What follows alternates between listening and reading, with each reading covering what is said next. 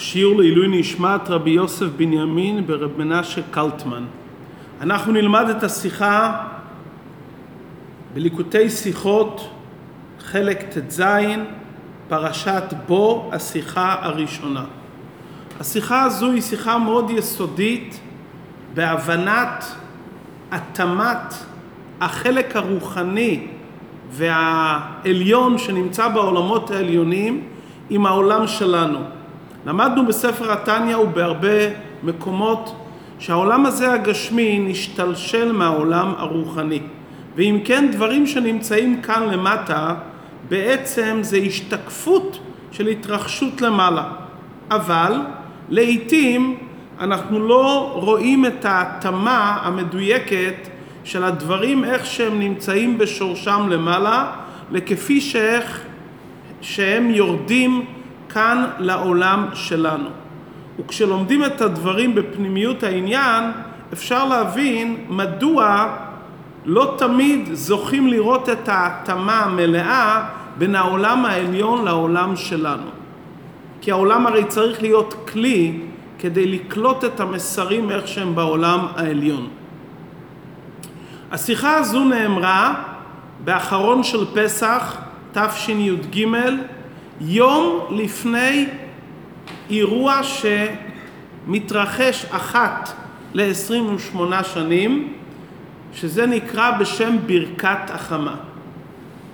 יש הלכה שמי שרואה את החמה בתקופתה, כלומר, אדם שחווה את הזמן שהחמה מגיעה לאותו מקום מדויק שהיא הייתה בתחילת בריאת העולם, מברך ברכה. זה אירוע שקורה, כפי שהזכרנו פעם ל-28 שנה, מכיוון שהכוונה היא לא רק שהחמה מגיעה לאותו מזל, תחילת מזל תלה, אלא שהיא מגיעה לאותו יום ולאותו שעה. תחילת בריאת העולם, החמה נתלית במזל תלה ביום רביעי, בתחילת הלילה. כדי שהחמה תחזור לאותו יום, לאותו שעה באותו מזל, צריך שיהיה מהלך של 28 שנה.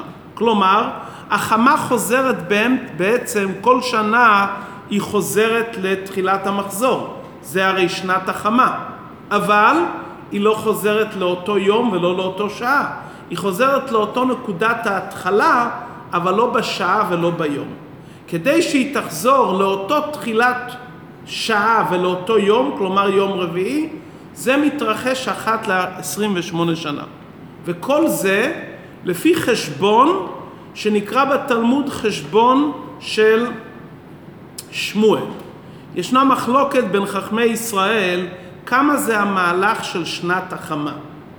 לפי דעה אחת, דעת שמואל, המהלך של שנת החמה הוא 365 יום ורביע יום. זו דעתו של שמואל. דעת רבי עדה, שהמהלך של שנת החמה זה 365 וקצת פחות מרביע יום. כלומר זה הבדל של דקות בחישוב של מהלך החמה כדי שהחמה תחזור לאותו מקום, אבל לאו דווקא באותו יום. זה אלו שני הדעות. ברכת החמה שמברכים אחת ל-28 שנה, זה מסתדר רק לפי השיטה של שמואל, שלפי דעתו מהלך שנת החמה זה 365 ורביע יום. לאידך, לפי החישוב של רבי עדה, ששנת החמה היא קצת פחות מרביע יום, כלומר כמה דקות פחות, החמה לעולם לא תגיע באותו יום ובאותו שעה למקומה. כלומר, לפי דעת רבי עדה אין אפשרות לברך על החמה בזמנה, מכיוון שבעצם היא לעולם לא מגיעה לאותו מקום לפי אותו חישוב. לאידך, דעת רבי עדה היא דעה יותר מדויקת מבחינה אסטרונומית, דעת רבדה זה חשבון יותר אמיתי. כלומר, אם רוצים לרדת לדקויות עד הסוף, דעתו של רבדה יותר מתאימה למציאות, ואנחנו משתמשים בכמה וכמה דברים בעניין חודשי הלבנה לפי דעת רבי עדה. כלומר, בחשבון שלנו אנחנו משלבים. ישנם דברים שאנחנו הולכים לפי דעת שמואל, לדוגמה ברכת החמה, שאלת גשמים בחוץ לארץ, 60 יום אחר התקופה, וישנם דברים שאנחנו הולכים לפי דעת רבי עדה. יוצא מכאן לסיכום, שלמרות שדעתו של רבי עדה בשנת החמה יותר מדויקת מדעתו של שמואל, אבל אנחנו משתמשים גם בדעת שמואל.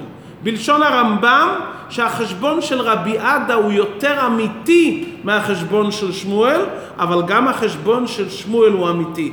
ואנחנו מתאמים ומשלבים ביניהם לדבר, לדברים מסוימים דווקא כדעת רבי עדה, ובדברים מסוימים, לדוגמה ברכת החמה, כדעת שמואל. יש לנו מצווה בתורה בפרשת בו לעבר שנים כדי שמהלך השמש ומהלך הלבנה יהיה ביניהם סחרון. הרי שנת החמה עדיפה על שנת הלבנה ב-11 יום. ההלבנה עושה את הסיבוב שלה ב-354 ימים והחמה עושה ב-365. כדי לשלב ביניהם הלוח שלנו, ולפי רצון השם שיהיה סחרון בין החמה ולבנה, כדי שפסח ייצא באביב, אנחנו מוסיפים אחת לשלוש שנים חודש אדר, שנה מעוברת כפי השנה הזו, ובזה אנחנו משווים את החמה והלבנה. ואזי במחזור של 19 שנה יש לנו שבע שנים מעוברות ו-12 שנים פשוטות, ואז לאחר 19 שנה נעשה שילוב בין החמה והלבנה עם יתרה שלפי דעת שמואל יתרה של שעה ות"פ חלקים. לפי דעת רבדה שחשבונו יותר מדויק יש סחרון מלא במשך 19 שנה ואין אפילו יתרה של שעה ות"פ חלקים. כמובן המפרשים שואלים אם יש יתרה של שעה ות"פ חלקים, יצא שאחרי אלפי אלפי שנים פסח לא יצא באביב. כי אם יש לנו יתרה מסוימת, אבל כפי שכתבו המפרשים, זה לא יקרה בששת אלפים שנה שהעולם קיים כמצבו, ולאחר זה שמשיח יבוא עוד הרבה לפני זה, יבוא מורה צדק ויודיענו איך לסדר את הדברים. אבל לפי השנים שאנחנו נמצאים עכשיו, תמיד המולד יהיה בניסן, למרות היתרה לפי דעת שמואל, נשאר יתרה של שעה ות"פ חלקים אחרי 19 שנה שהחמה והלבנה מסתכרנים, עדיין נשאר שארית מסוימת. לפי דעת רבדה אין שארית לחלוטין. כלומר החשבון המדויק הוא בעצם דעת רב עדה. אבל לפי דעתו זה מדויק, אבל לעולם החמה לא תגיע לאותו מקום שהיא הייתה ביום רביעי הראשון בלילה, ולא נוכל לבאר ברכת החמה. כלומר, עלינו לשלב. זה חשבון יותר אמיתי, אבל אי אפשר לבאר ברכת החמה. זה חשבון פחות מדויק, אבל לאידך זה מסתדר עם ברכת החמה ועוד דברים. והרמב"ם מהלכות קידוש החודש משלב בין החשבונות גם את תקופת רבי ידה וגם את תקופת שמואל. עד כאן הקדמה להבנה הכללית של תוכן הדברים. כאן בשיחה הרבי מתעכב לכאורה.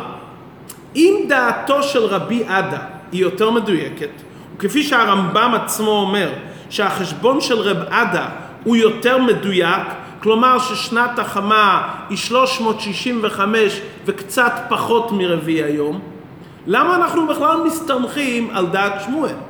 הרי התורה אומרת לנו שמור את חודש האביב. אם אנחנו רוצים לשמר את חודש האביב, לכאורה אם נלך בדעתו של רבי עדה, החשבון יהיה יותר מדויק. ובכל זאת, הרמב"ם נוקט להלכה שאנחנו נוקטים גם כדעת שמואל, שההפרש זה הפרש של דקות ספורות, והוא אומר דעתו של שמואל היא גם אמיתית. הסברת הדברים. כלומר, אנחנו, הלוח של עם ישראל, חודשי השנה, מחשבים לפי סיבוב הלבנה. כלומר, לא לוקחים את שנת החמה ומחלקים ל-12 חלקים, כפי שעושים אומות העולם, אלא אצלנו חודש זה מחזור של לבנה, שזה 29 יום ומחצה וכולי. פסח תמיד צריך לחול בחודש האביב, ואנחנו מחשבים את השנים לפי מהלך החמה, ועל כן אנחנו מעברים את השנה. לכאורה, מדוע עלינו להסתמך גם על דעה שנייה של דעת שמואל, שאז הפסח לא חל תמיד באביב? לפי דעתו של שמואל, תקופת אביב שהשמש מגיעה למחזור תלה יכול להיות גם יום אחרי פסח. לדוגמה בשנת תשי"ג, שנת אמירת השיחה, מתי בירכו ברכת החמה? בכ"ג ניסן. והתורה אומרת שמור את חודש האביב, כלומר זה צריך להיות, פסח צריך להיות באביב. והנה בירכנו ברכת החמה לפי החשבון שהתקופה הייתה יום אחרי פסח. ואם היינו עושים את זה לפי דעת רבי עדה, לפי התקופה האמיתית, היא הייתה כמה ימים לפני זה. אבל אז לא היינו יכולים לברך את ברכת החמה ביום רביעי בדיוק באותו זמן שהחמה מגיעה למזל תלה, כפי שהיה ביום הראשון של תחילת בריאת העולם. אז בראת הדברים על פי פשט, הרמב"ם אומר, השנים שאנו מחשבים הם שני החמה, שנאמר שמור את חודש האביב. כלומר, מהמילים בפסוק שמור את חודש האביב אנחנו לומדים לא רק שהפסח צריך להיות בזמן האביב, אלא שהוא צריך לחול, החודש צריך לחול באותו זמן בערך. כלומר, אנחנו צריכים שחודש ניסן יחול בחודש האביב. אם הפסח יהיה כמה ימים לפני זה, ולא יהיה בדיוק באותו זמן, עדיין קיימנו את הדברים שהתורה מצווה עלינו, שיהיה חודש זה בזמן האביב. אם הציווי של התורה שהחודש צריך להיות בזמן האביב, אין בעיה. יכול להיות שיהיה שבוע לכאן, שבוע לכאן, אבל אם אנחנו מעברים את השנה, אחת לשלוש שנים, תמיד תקופת ניסן תהיה תמיד בזמן האביב. נכון שזה יכול להיות בחודש ניסן קצת אחרי פסח, לעיתים לפני פסח, אבל לעולם זה יהיה בחודש האביב. ומכיוון שהתורה דורשת מאיתנו שהחודש ניסן יכלול בתוכו את זמן האביב, לכן מספיק שתקופת האביב תהיה בחודש ניסן, אפילו אם היא תהיה בסוף החודש. ולכן גם דת שמואל ודת רבי עדה, לפי שניהם, לעולם תקופת ניסן תהיה תמיד באביב, כלומר תקופת האביב וניסן יחולו תמיד בחודש ניסן. אז אם כן, אם הציווי זה על החודש, החודש תמיד יחול כך. עד כאן לפי הפשט. שואל הרבי, רגע, אבל התורה אומרת לנו שאנחנו צריכים לשמור את חודש האביב, אנחנו חייבים להגיע גם לחשבון האמיתי. והחשבון האמיתי זה שקל תקופת רבי עדה. ולפי דעת רבי עדה, לעולם לא נצליח להגיע לעניין של ברכת החמה בזמנה. למה הרמב"ם בכלל נוקט לעניין השנה גם את החשבון של שמואל? למה הוא לא הולך לכתחילה על החשבון הכי הכי אמיתי, שזה דעת רבי עדה? אז כפי שאמרנו, מכיוון שהתורה אומרת לנו הלכה שעלינו לברך ברכת החמה, וזה יכול להסתדר רק לפי החשבון של שמואל, שהחשבון שלו לא כל כך מדויק עד הסוף, אבל לאידך באמצעות זה נוכל לקיים את ההלכה לברך ברכת החמה ועוד הלכות שקשורות עם שאלת הגשמים בחו"ל, זהירות בשתיית מים בשעת התקופה, שזה יכול לחול רק לפי דעתו של שמואל, לכן אנחנו חייבים לשלב בין שני הדברים, למרות שהחשבון הוא לא אמיתי. איך זה יכול להיות אבל? כאן מגיע החלק הפנימי והחסידי של השיחה ששופך לנו אור בעניין הזה ושופך אור בהרבה נושאים. יש הלכה בדין קידוש החודש, הלכה מאוד מוזרה לכאורה, כפי שהרבי מסביר את זה בשיחה בסעיף A. כתוב בית דין שקידשו את החודש בין שוגגין, בין מוטין, בין אנוסין, ויש דעה אפילו אם בית דין היו מזידין, הרי זה מקודש, וחייבים הכל לתקן המועדות לפי היום שקידשו. לכאורה זה לא מובן. בית דין טעה, הגיעו עדים שהטו אותם בשוגג או באונס או במזיד. ברגע שבית דין אמרו שהחודש מקודש, הם קבעו את היום כראש חודש, זה נקבע כחודש. אבל נודע לנו לאחר מכן שהמולד הלבנה לא היה. מדוע אנחנו סומכים עליהם? גזירת הכתוב. הרמב"ם אומר, חייבים הכל לתקן המועדות על היום שקידשו, כי מי שציווה לשמור על המועדות, הוא ציווה גם לסמוך עליהם. יפה. אבל זה לא מספיק נימוק לבאר לנו, צריכים לסמוך עליהם, יפה. אבל עצם הקידוש, איך אפשר לקדש ולומר שהיום הוא ראש חודש, שהמולד היה ביום אחר? זה לא טעות בשיקול דעת, זה טעות בעובדה. התברר לנו שבית דין טעו בעובדה. הם טעו בעובדה ואנחנו צריכים לשמוע עליהם? אם בית דין טעו בשיקול דעת, אתה אומר, נו, מילא. אבל פה זה טעות עובדתית, ובכל זאת אומרת התורה בקידוש החודש, עלינו לשמוע להם. ביאור הדברים בדרך אפשר. חמה ולבנה שנמצאים כאן למטה, כמו כל העניינים שלמטה, הם משתלשלים מחמה ולבנה בעולם הרוחני. אם יום מולד הלבנה נקבע כראש חודש מצד בית דין, זה אומר לנו באופן ברור שזה היה מולד הלבנה בעולם העליון. אנחנו כאן בעולם אין לנו השגה מה מתרחש בעולם העליון. אנחנו צריכים להסתכל ולהתייחס לדברים כפי שהם כאן למטה.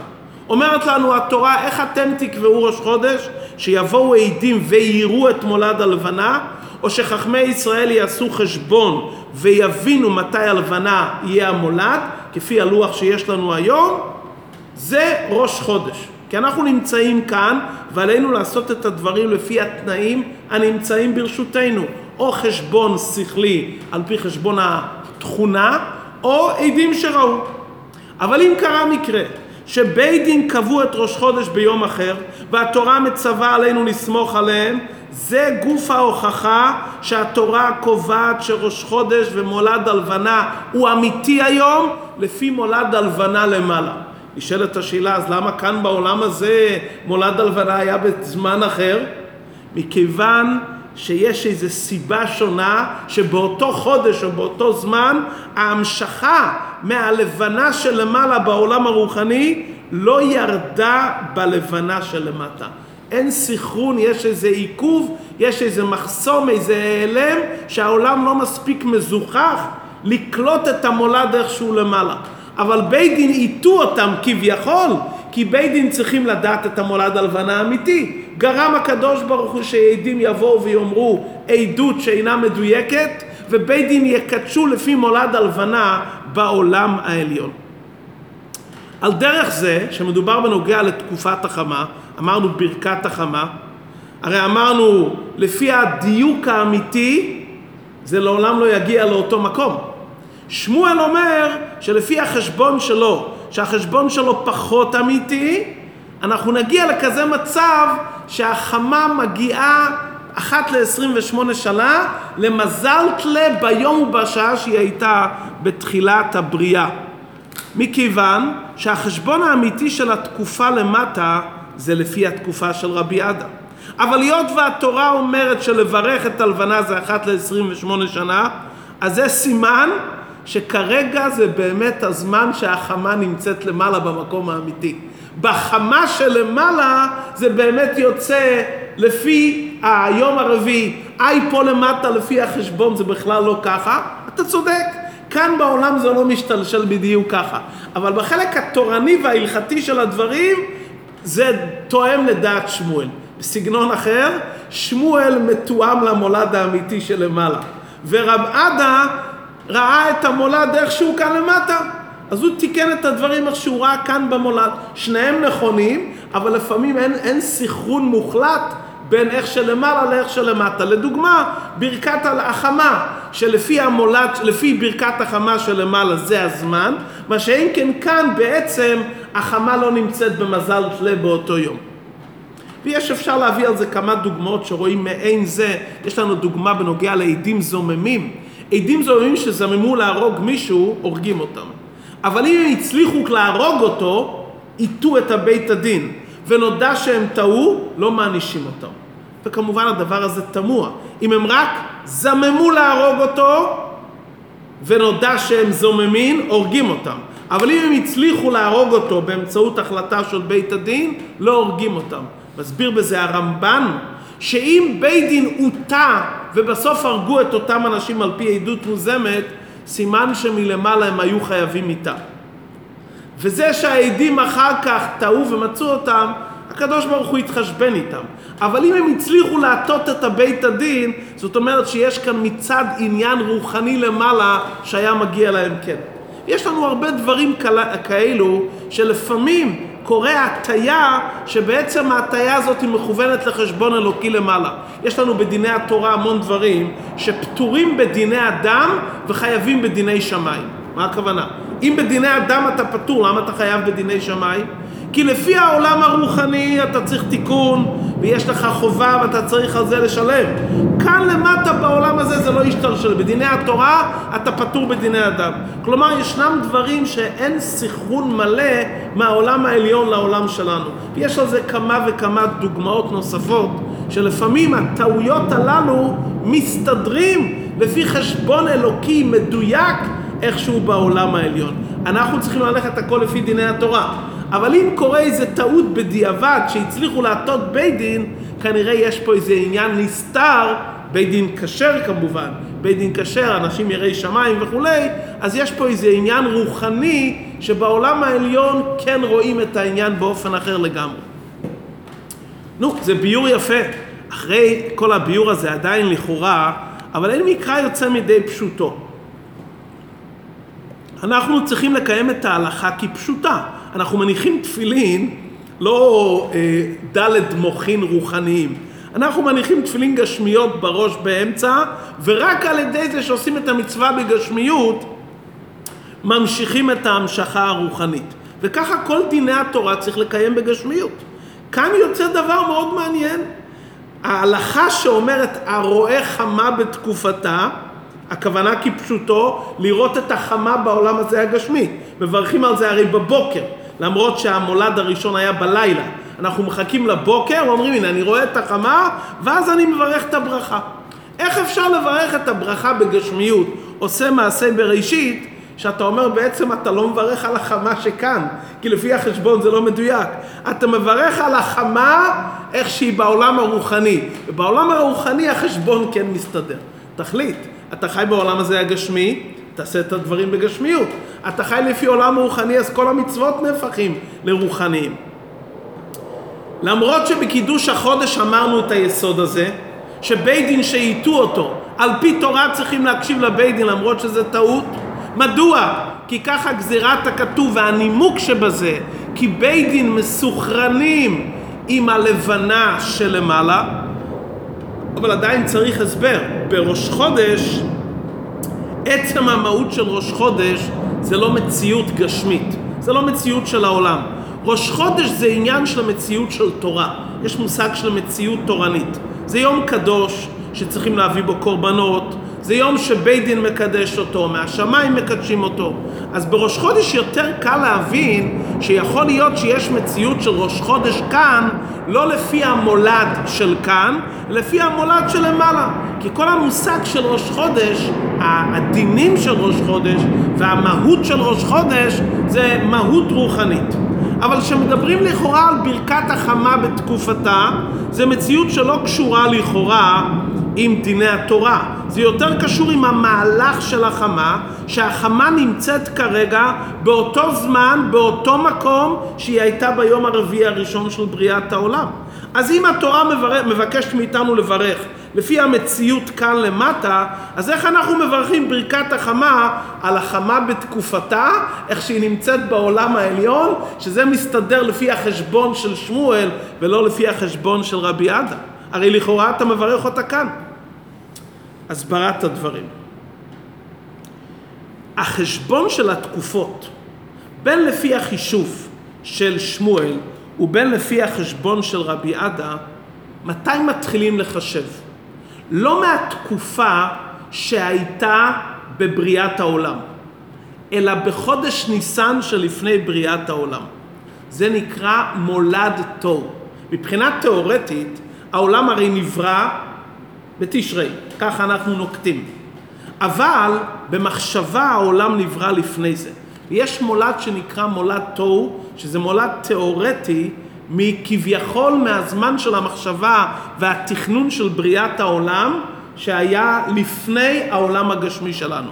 הרי יש מחלוקת בתלמוד בין רבי אליעזר לרבי יהושע אם בתשרי נברא העולם או בניסן נברא העולם. שתי הדעות הן אמת. בניסן עלה במחשבה לברוא את העולם והבריאה בפועל הייתה בתשרי.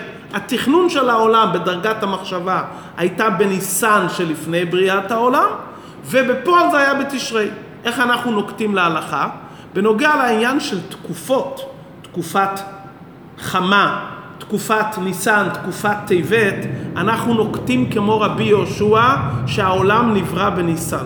ולכן אנחנו מונים את התקופות לא לפי התקופה מה שהיה בפועל בתשרי הראשון, אלא אנחנו מונים את התקופות לפי איך שעלה במחשבה למעלה. ולכן, מכיוון שלתקופות אנחנו הולכים לפי מולד תוהו, שהוא בעולם המחשבה, שזה עניין רוחני, לכן בכל העניינים שקשורים עם התקופה אפשר לסמוך על חשבון רוחני ועל החשבון איכשהו למעלה. כי לתקופות אנחנו לכתחילה נוקטים שההלכה היא כמו רבי יהושע שזה בניסן שקודם בריאת העולם, איך שהעולם נברא במחשבה. אז בברכת החמה אנחנו מתחשבים עם התקופה שלמעלה, למרות שכאן למטה התקופה היא בזמן אחר. בדינים שקשורים עם התקופה, שזה רק מסתדר לפי תקופת שמואל, זה הולכים לפי התקופה הרוחנית בעולם העליון. כי כל ההתחלה והיסוד של כל החשבון הזה זה מולד תוהו שהיה לפני העולם שלנו. העולם שנברא במחשבה, ולכן זה לא מעכב שכאן למטה במעשה זה לא חל באותו זמן.